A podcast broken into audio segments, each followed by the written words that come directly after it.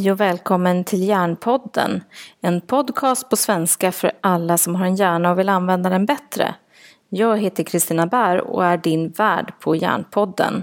Vi har kommit till avsnitt 41 i Hjärnpodden och i det här avsnittet intervjuar jag Nina Hjort som har jobbat med marknadsföring och försäljning under många år men nu jobbar med presentationsteknik för att få budskapet att nå fram när vi pratar. Eh, podcasten spelas fortfarande in via Skype, så om ljudet svajar så vet du varför. Eh, jag arbetar på att utveckla tekniken, men än så länge får ni hålla till godo med innehållet. Vill du ha kontakt med mig efter programmet så är du välkommen att mejla på kristina.exist.se eller ta kontakt via LinkedIn. Välkomna till dagens avsnitt!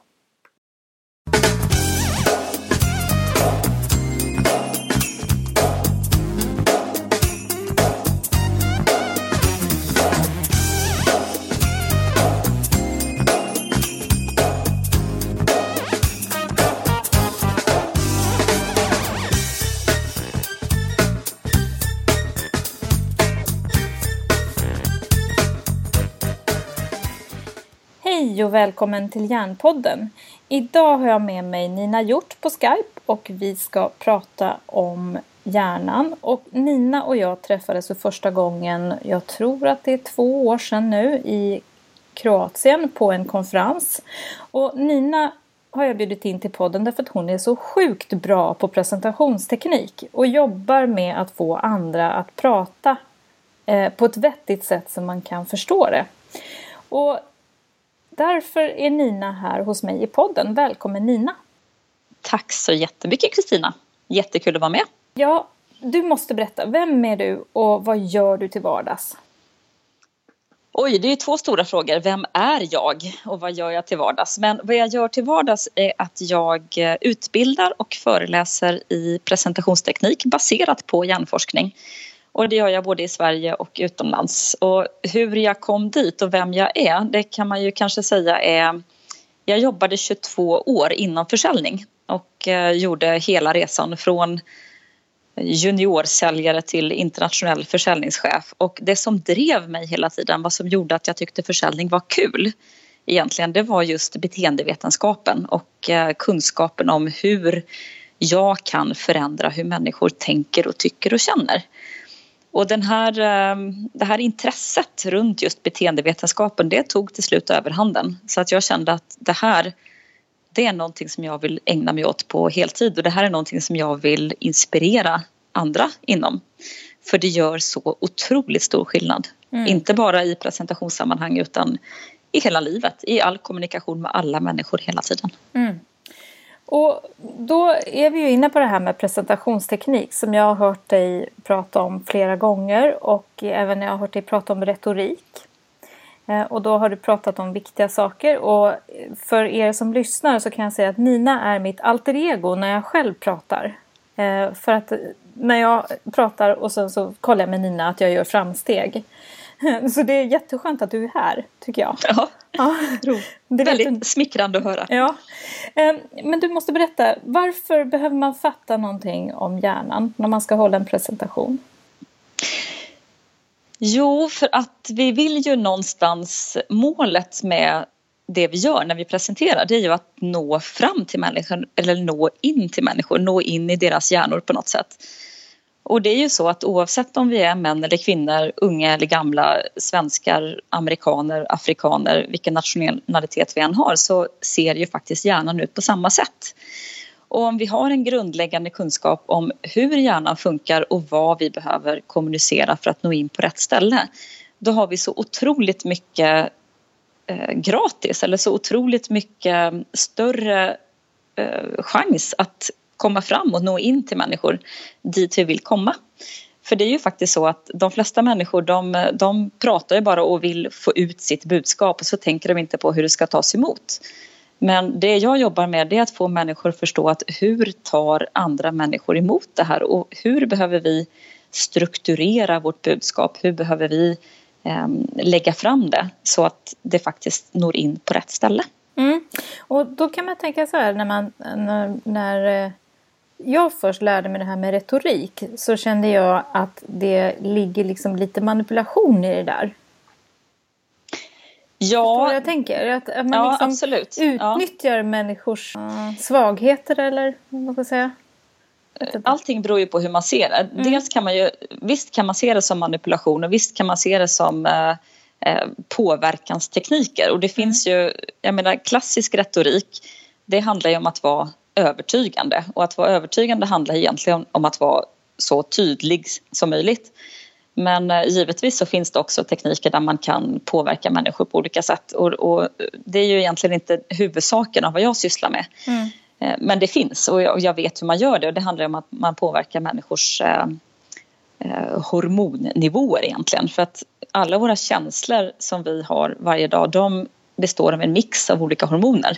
Och de här hormonerna är relativt lätta att manipulera och, förändra om man vet hur man gör. Så visst finns det sånt också men jag skulle vilja säga snarare att det handlar om att eh, kunna vara tydlig mm. och, och, faktiskt kunna få fram på ett förståeligt sätt det budskap som vi har att leverera. Mm. Så, mm. Ja, och det tänker jag, det är ju verkligen någonting när man sitter som åhörare Eh, på en föreläsning, eh, typ på universitetet eller föreläsning eh, var man nu är någonstans att få den där tydliga presentationen, det händer ju inte jätteofta. Nej, nej. Jag utbildar en hel del på KTH, Kungliga Tekniska Högskolan. Och då utbildar jag studenter och varje gång jag har haft en dags utbildning eller en föreläsning då har jag alltid studenter som kommer fram efteråt och säger till mig att kan inte du snälla utbilda våra lärare? Mm. Och det här är ju så, det är så typiskt och det här är någonting som jag ser i, inte bara i universitetsvärlden utan överallt. Att människor som kanske har en, de har en fantastisk kunskap, de har så mycket att lära ut och de har så mycket att dela med sig av men de har inte förmågan att nå fram. De har inte förmågan att få människor att vilja lyssna på det de säger. Och, och det är ju minst lika viktigt skulle jag vilja säga. Mm. För, för en sak är att ha kunskapen och en sak är att nå ut med den. För det är ju jättetråkigt om studenterna sover under ja. tiden som de ska lära sig. Visst är det det. Mm. Så om man kommer till, till liksom kärnan i det här samtalet. Vad behöver man då veta om hjärnan när man håller en presentation? Ja, man behöver veta att eh, det vanligaste, det instinktiva sättet som, sättet som människor eh, talar om ämnen det är att man alltid pratar om ett vad. Man pratar om vad Eh, det ämnet man har så, så börjar man med det och så pratar man om, om vad det handlar om. Och sen kanske man kommer in på saker som när, var och hur. Det är andra steget i kommunikation. Först är det vad, sen är det när, var och hur. Och det väldigt många människor missar och det som är det mest centrala av allting det är att få fram ett varför. Varför ska jag lyssna på det här? Varför ska jag lära mig det här? Och om människor inte förstår tidigt i presentationen eller i föreläsningen, i utbildningen, vad den är, varför de ska lyssna på någonting och de har hittat det i sig själva, då kommer de inte att lyssna. För vår hjärna är ju fortfarande väldigt um, um, ja, den, den, är väldigt eh, basic. Alltså den, den vill bara koncentrera sig på det som är intressant och relevant nog att spara. Mm. Och resten spolar den ju rakt ut. För att eh, vi har ju vi har ett begränsat eh, arbetsminne, vi har en begränsad hjärna, vi har miljontals intryck varje dag. Och eh, hjärnan sorterar ju hela tiden. Vad är intressant nog och relevant nog att spara? Och är det så att man känner att nej, det här är inte intressant eller relevant nog, då kommer den inte att komma ihåg det och spara det. Så att det handlar om att hitta det där varföret. För då, då gläntar man på den här dörren så att man faktiskt kommer in på rätt ställe.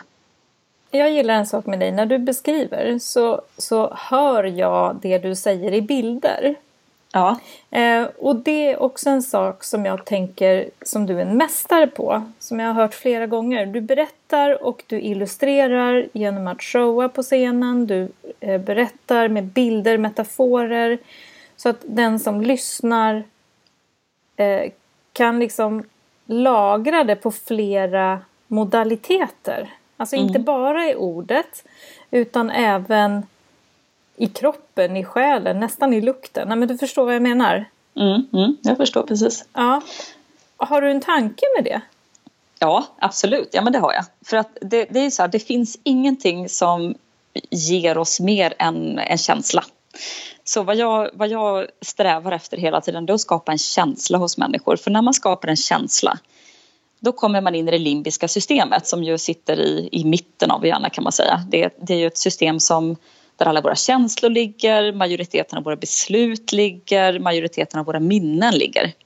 Och väldigt ofta när vi ska hålla en presentation då vill vi att människor ska komma ihåg det vi säger. Vi kanske vill att de ska ta någon form av ståndpunkt, ett beslut. Och vi vill framförallt att de ska vilja lyssna och då måste vi komma in där. Och ett av de kraftfullaste verktyg som vi har inom presentationsteknik det är att skapa en känsla. Eh, och ett väldigt enkelt sätt är att jobba med storytelling, att eh, prata i metaforer, att eh, måla upp bilder. För mm. bilder som vi skapar själva i hjärnan, de sätter sig väldigt mycket starkare än bilder som vi ser. Mm. Jag tror att alla kan skriva under på att man har läst en bok som ehm, man tycker väldigt mycket om och så gör man sig bilder hur karaktärerna ser ut, hur miljöerna ser ut, hur det känns, hur det doftar. Eh, och de här bilderna sätter sig starkare i vår hjärna än bilder som vi har sett kanske på en film. Så att jobba med storytelling och att jobba med att skapa känslor och att skapa metaforer som man kan hänga upp eh, känslan på någonting. Det gör att kunskapen sätter sig mycket, mycket bättre. Mm. Och jag kommer ihåg första gången jag lyssnade på dig. Eh, då var det det här med översvämmade powerpoint-bilder. Ja. Och vad menar jag med det då? Jo, powerpoint-bilder där det är texter och eh, långa haranger med texter över hela bilden. Eller mm. en statistikbild som är helt överfull. Mm. Och minitext i ena kanterna så här, som, som man inte ser när man mm. sitter mm. i publiken.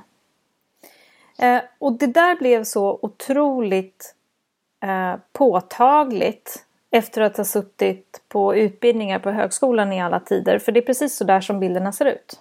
Ja, tyvärr. Och då hinner man inte skriva av, man skriver som en galning.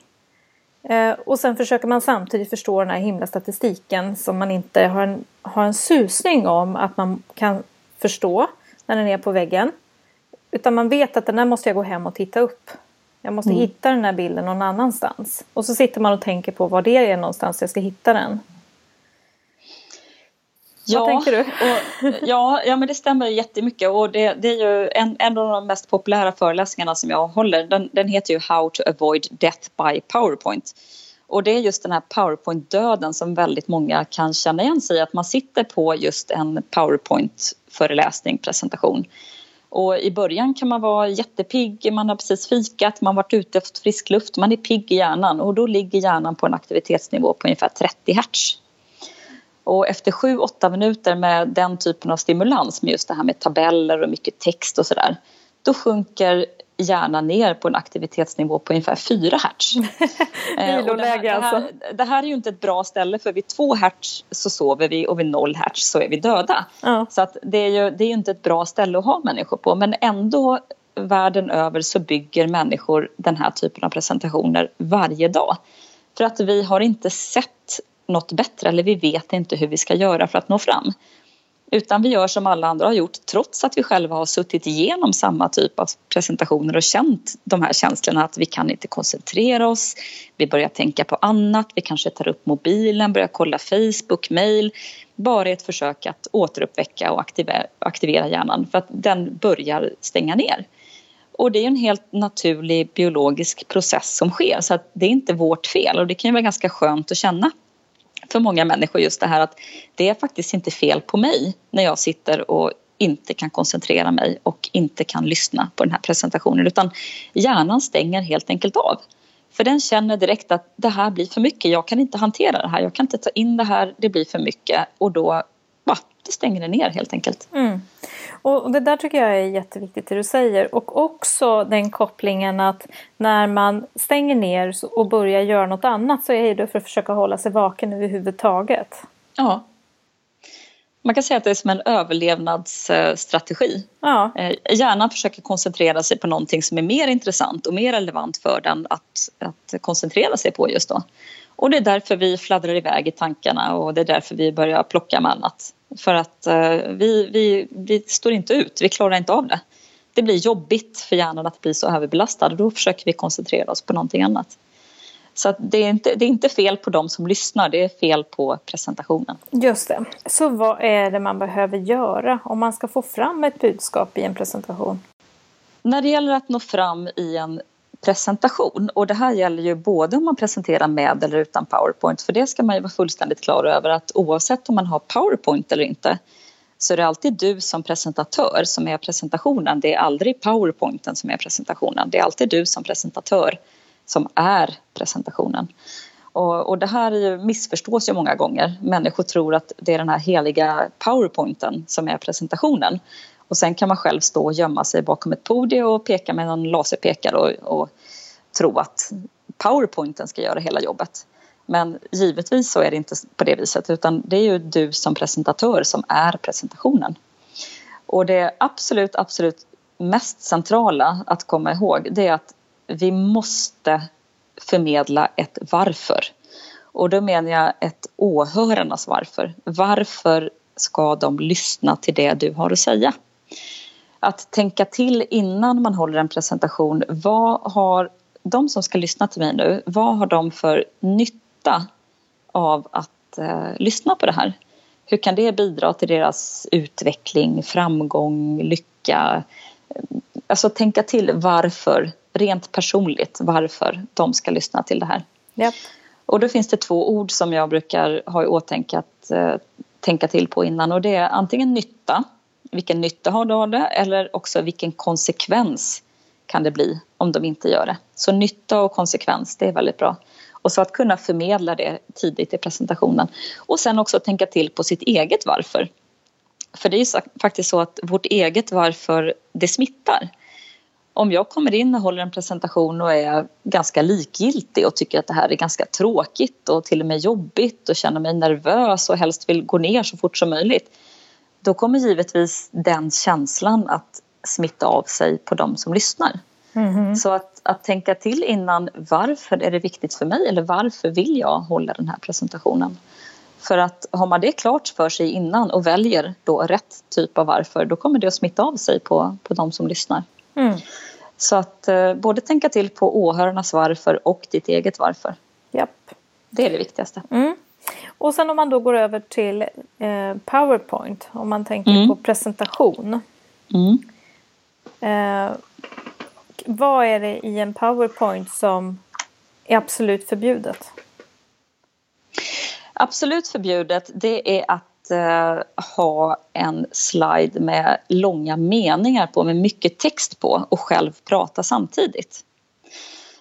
För det är så här att vår hjärna är ju, den är ju helt fantastisk på väldigt, väldigt många sätt. Men den har en begränsning. Och det är att vi kan inte läsa och ta till oss information och lyssna och ta till oss information på samma gång. Det blir arbetsminneskonflikt. Och jag brukar ta det här exemplet att eh, har du någon gång pratat i telefon med någon som personen på andra sidan telefonen har fått ett mejl och kan man då höra det på den personen? Och alla, är ju, alla har varit med om det här, man Absolut. hör ju direkt. Personen på andra sidan säger bara ja, mm, mm, ja.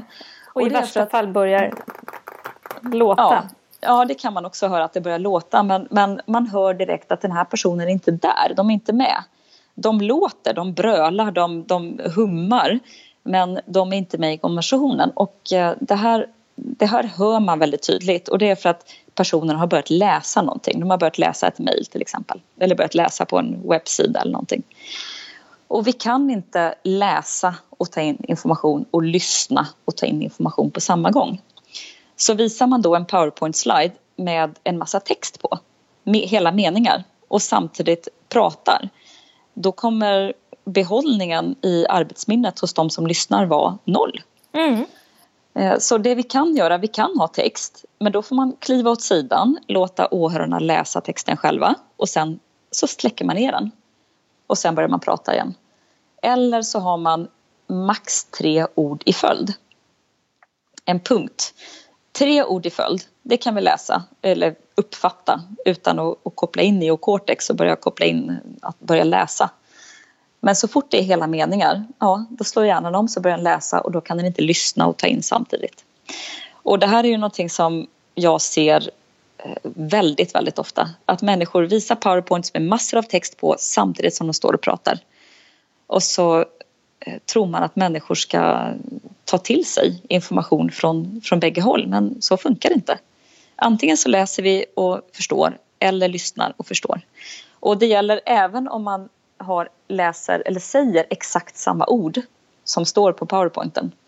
För vi kan inte läsa och lyssna i samma hastighet. Ja, just det.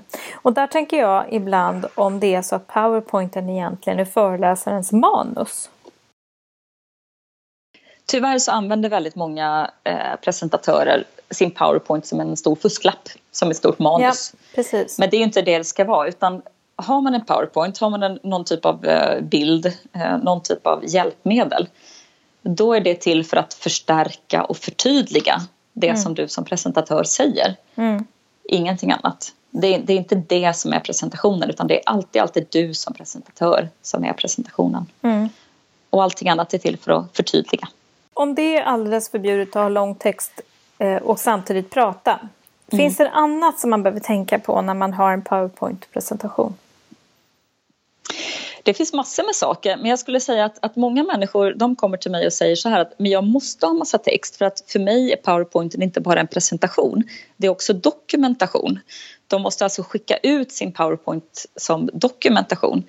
Och då säger jag så här att det finns ingenting som heter både bra presentation och dokumentation för det är två fullständigt olika saker.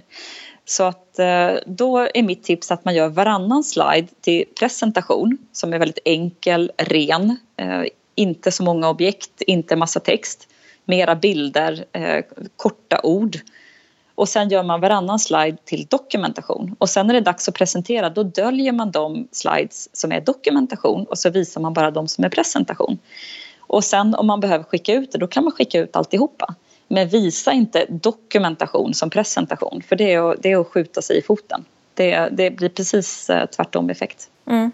Och det här är någonting som jag har lärt mig de här sista två, tre åren som du och jag har känt varann. Att mm. skala av mina presentationer. Mm. Eh, och om jag har en powerpoint, vilket jag ofta har när jag är ute och pratar, så är det egentligen bara bilder på och ett ord. Ja, och det är helt rätt. Man ska inte ha mer än sex objekt per slide. Sex objekt, det kan vi ta in. Så fort det blir fler objekt än så, och när jag pratar om objekt då menar jag allting som finns på en slide. Det kan vara logga, det kan vara sidnummer, allting som syns eh, är ett objekt. Så fler än sex objekt, då blir det överbelastning i hjärnan och det är då vi hittar det som vi kallar för death by powerpoint, att hjärnan bara säger det här orkar jag inte med. Och så tänker man på sommarsemestern istället. Ja, så börjar man tänka på någonting annat. Ja. Mm. Eh, och jag måste säga att det är ju en av de saker som, som jag upplever också har tvingat mig att bli en bättre presentatör. Att, att mm. jag har skalat av min presentation. Jag har behövt utveckla att vara närvarande, att fånga åhörare med berättelser precis som du är inne på. Mm. Och så så att, att det här är någonting som verkligen ger resultat, det kan jag skriva under på eftersom jag har ju jobbat parallellt med att jag har lärt känna dig så jag har jobbat med mina presentationer alltjämt. Mm. Eh, så. Vi ses ju liksom regelbundet och varje gång så eh, får man ju stämma av att man är på väg åt rätt håll. Mm. Eh, så att det jag tror också om man vågar släppa sin text är att man vågar också kliva fram som presentatör eller man tvingas göra det. Ja, och det finns, eh, jag kan säga så här, varför jag började jobba med det här det är att jag, jag förstod vilken otroligt stor skillnad det här gör i människors liv. Att, att faktiskt våga lära sig mer om det här och våga kliva fram. Och om vi tittar på, på andra länder, vi kan ju titta på USA till exempel. Eh, där har vi ju just nu en, en presidentvalskampanj som i princip enbart handlar om presentationsteknik. Ja. Det, är ju, det är ju väldigt få sakfrågor som lyfts fram. Det handlar ju enbart i hur de eh, presenterar sig, hur de lyckas få andra människor att, att känna. Så det, det är så otroligt mycket eh, baserat på det. Och, och, som i USA, där har man ju ämnet speech i skolan då. översatt med presentationsteknik, det har man från väldigt tidig ålder som ett eh, separat skolämne. I, I, Sverige har vi det ja, som en del i svenska undervisningen.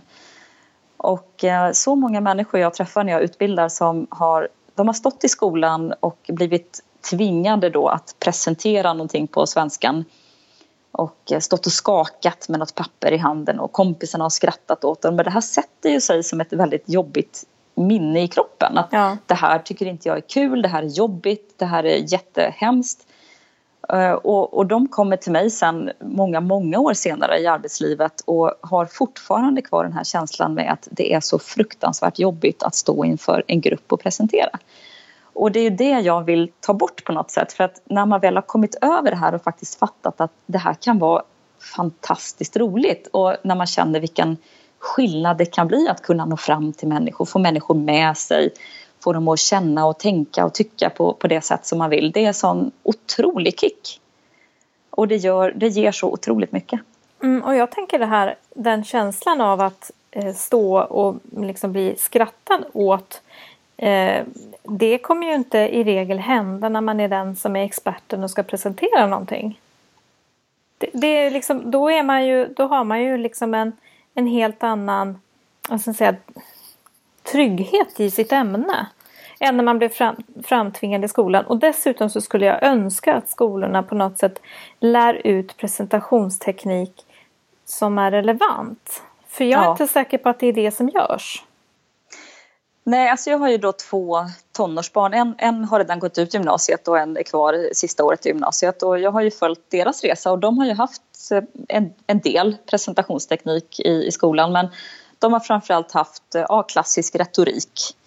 Eh, och sen har de lärt sig att använda hjälpmedel men det, det är väldigt, väldigt lite kunskap och väldigt grund. Och, och saken är att det här är en otroligt rolig kunskap att lära sig och det är så användbart så egentligen borde man ha det väldigt mycket tidigare i, i utbildningen än, än på gymnasiet. Man borde ha det mycket, mycket tidigare och sen att man faktiskt applicerar det i alla ämnen. Att man kanske jobbar mer med, med grupparbete där man faktiskt får eh, ta reda på kunskap, bygga en presentation och sen presentera det för klassen på ett bra sätt. För då kommer, då kommer man själv att lära sig mer och klassen kommer att lära sig mer. Yep. För, för det är ju så här att när, när man har lärt sig någonting själv och sen behöver presentera det för någon annan så att det blir begripligt då måste man själv skapa alla de här kopplingarna och synapserna i hjärnan så att, så att det blir förståeligt för någon annan. Och, och hela den processen i hjärnan, om man tittar på det i en, eh, fMRI-kamera, då är det som ett fyrverkeri. Alltså det finns ingenting som, som gör att det blir mer aktivitet i hjärnan än just den här processen att ta någonting som man själv kan och sen behöva göra det förståeligt för en annan. Just det. Eh, det gör att det, att det bara sprakar till och det gör att det fastnar på ett fantastiskt sätt. Så att, att använda den tekniken och, och lära ut den tidigare så att människor kan det, eller barnen kan det. Eh, och sen att de får jobba mer med att faktiskt ta in kunskap själva och lära ut det till sina klasskamrater. Det tror jag skulle göra en enorm skillnad. Får jag eh, bara nyfiken på, har dina tonåringar fått lära sig att använda hjälpmedel på ett adekvat sätt tycker du? De har, eh, de har fått lära sig att använda Powerpoint. Ja. Det har de gjort. Eh, att de, att de ska använda någon typ av hjälpmedel. Men nu har inte jag varit extremt involverad i, i undervisningen så. Men det jag vet att de har, de har fått betyg på i princip att de kan eh, använda programmet och vet hur man gör. Men inte, inte mycket mer hur man ska kunna göra det förståeligt och hur man ska använda det på rätt sätt. Precis, för när jag, jag har ju också tonåringar eh, hemma. Mm. Eh, och när de bygger sina presentationer med hjälp av Powerpoint så är ju risken att det blir alldeles, alldeles för mycket ord. Ja. Och att det blir just de här långa meningarna som ett manus. Mm. Eh, och vi har alltid en ganska vild diskussion om det. Att ja, men skala ner det här. Eh, ha bara ett ord så att det blir begripligt för de som ska lyssna. Mm. Ja men då glömmer jag bort vad du ska säga. Nej, så jag, du gör inte det. För du har ditt ord där som, som nyckel eh, till det som du behöver säga. Mm. Och det där tänker jag, det är ju någonting som, som man måste koppla till varför. Varför mm. ska presentationen, eller varför ska ja, presentationen och, och hjälpmedlet se ut som de gör? Eh, då, då får man ju den och jag kan ju ärligt säga att jag lärde mig då, då när, jag hade varit, när jag hade blivit över 40. Eh, mm. Så att ja. Det, Grejen är så här att att vi, vi funkar ju, alltså vi är ju ganska simpla varelser mm. vi människor tyvärr. Ja. Och det är ju så att, att vi gör gärna som andra gör och vi, vi gör gärna som andra har gjort för att det, det är den enklaste vägen att gå. Mm. Och har vi, har vi sett merparten av vårt liv så har vi sett den typen av presentationer, då är det så vi tror att det ska se ut. Oavsett om vi har fått någonting ut av det eller inte så tror vi att nej, men det är så här vi gör. Men eh, att våga faktiskt kliva bort ifrån det och göra någonting helt annorlunda det gör så stor skillnad. Och jag kan bara ta allas vår eh, idol och favorit Hans Rosling som exempel. Mm. Yep. Eh, han är ju, om vi pratar då etos, logos, patos som jag hoppas att alla känner till, det är en gyllene triangeln, retoriken att etos det är förtroende. Eh, logos det är förnuftet och patos är att beröra känslomässigt och alla de tre delarna behöver vi ha för att kunna vara övertygande och nå fram. Och eh, i, i, sin titel då, professor Karolinska institutet, då har han ju, i den titeln har han ju väldigt högt etos. Och eh, han presenterar statistik, ofta ifrån FN och andra kända institut. Då har han väldigt starkt logos, fakta. Men det som gör att han når fram till människor och har en fanclub och människor som vill att han ska uppträda i Globen och är villiga att köpa biljetter och att han är framröstad som en av världens hundra mest eh, mäktiga människor. Det är ju att han framför sitt budskap med patos, han gör det med känsla. Och han, han förenklar, han gör det med äpplen, han gör det med legobitar, han gör det med allt möjligt. Mm, Plastlådor. Ja, precis. Ja. Han, han, gör det på ett sätt som gör att människor förstår ja. och att det blir enkelt. Och väldigt många gånger så vad människor tappar bort sig det är att man, eh, man är så rädd att bli avslöjad som en bluff. Man är så rädd att bli sedd som någon som inte är tillräckligt duktig eller påläst eller kunnig eller att du borde egentligen inte stå där och prata, du kan ju inte så mycket om det här egentligen. Så att det man gör är att man fläskar på med så mycket siffror, statistik, stapeldiagram och, och, texter och hänvisningar och referenser som man möjligtvis kan och så slänger man upp det på powerpointen i ett hopp om att bli sedd som en, en väldigt kunnig och duktig människa. Men eh, utkomsten av det egentligen det är att människor efter tre minuter max då sitter de och sover, tänker på annat, förstår ingenting och ingen vågar fråga någonting för att de har inte förstått. Men om man vågar förenkla, vågar jobba med storytelling, vågar jobba med bilder, mindre text, eh, bjuda mer på sig själv. Då kommer människor att vara med på ett helt annat sätt och man kommer få så mycket större genomslag. Och det också tänker jag eh, jag minns att det var en professor i mikrobiologi när jag läste medicin som sa det att för att kunna förklara någonting riktigt, riktigt svårt så mm. måste man först ha förstått det och sen förklara det väldigt enkelt. Ja, det stämmer väldigt väl. Ja, jag tycker, jag tycker det är verkligen eh, nästan pinpointar det vi håller på med just nu. Det är att mm. om man har förstått någonting då har man också en kunskap om hur man ska förenkla och också kunna få ut det så att andra blir intresserade av det man tycker är så otroligt spännande själv. Och då gör det ju ingenting om det är flugor eller eh, vad vet jag, granbarr. Liksom. Nej, faktum är så här, jag, jag, tar ofta som exempel när jag, när jag utbildar att um, är, man, är man duktig på presentationsteknik och då, då pratar jag om allting, att strukturera det på rätt sätt, att ha ett varför, att uh, kunna jobba med rösten, kroppsspråk, gestiken, allting sånt. Om vi har det på ett bra sätt, då kommer vi att kunna få människor helt fascinerade över en sak som mossa eller granbarr. Ja. Och ehm, de, de kommer känna så här, men jösses, det här, det här måste jag ju hem och läsa på mer om för att det, det var ju fantastiskt intressant det här med mossa och granbar. Och sen kan det komma in en person som, som kanske är fantastiskt kunnig på sitt ämne och pratar om just ditt favoritämne, om det nu är fiske eller hästsport eller vad det nu än är för någonting. Eh, men gör det på ett sätt som är torftigt, tråkigt och oengagerande och du kommer komma därifrån och inte ha fått med dig någonting. Så det är egentligen inte ämnet som är det intressanta utan det är hur du lyckas få andra att förstå det och hur du förmedlar det. Det är det som är viktigt. Så med andra ord, eh, kommer jag då till en fråga som, som kanske många som lyssnar på det här kan fundera. Är det här någonting som jag behöver bry mig om på jobbet? Absolut, absolut.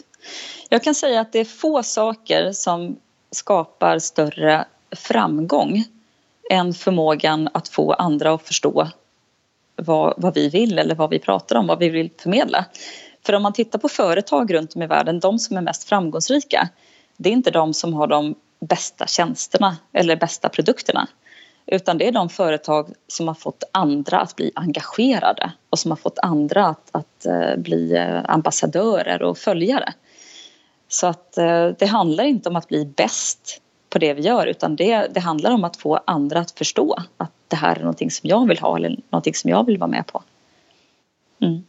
Så att sammanfattningsvis så kan man säga att man kan komma väldigt långt inom väldigt många olika områden om man bemödar sig om att utnyttja vår kunskap om hur hjärnan funkar egentligen. Absolut, absolut. Och framförallt så är det att utnyttja det vi vet om hur hjärnan tar in information.